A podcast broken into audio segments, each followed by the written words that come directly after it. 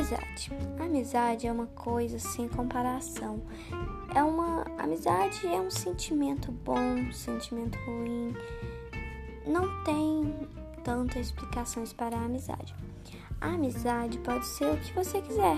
A amizade pode ser uma amizade colorida, uma amizade engraçada, uma amizade idiota no sentido bom. Mas a amizade envolve o sentimento de amor, alegria, tristeza e vários outros sentimentos. A amizade pode te deixar muito triste, quanto te deixar muito feliz. E a amizade é uma coisa que você tem que respeitar.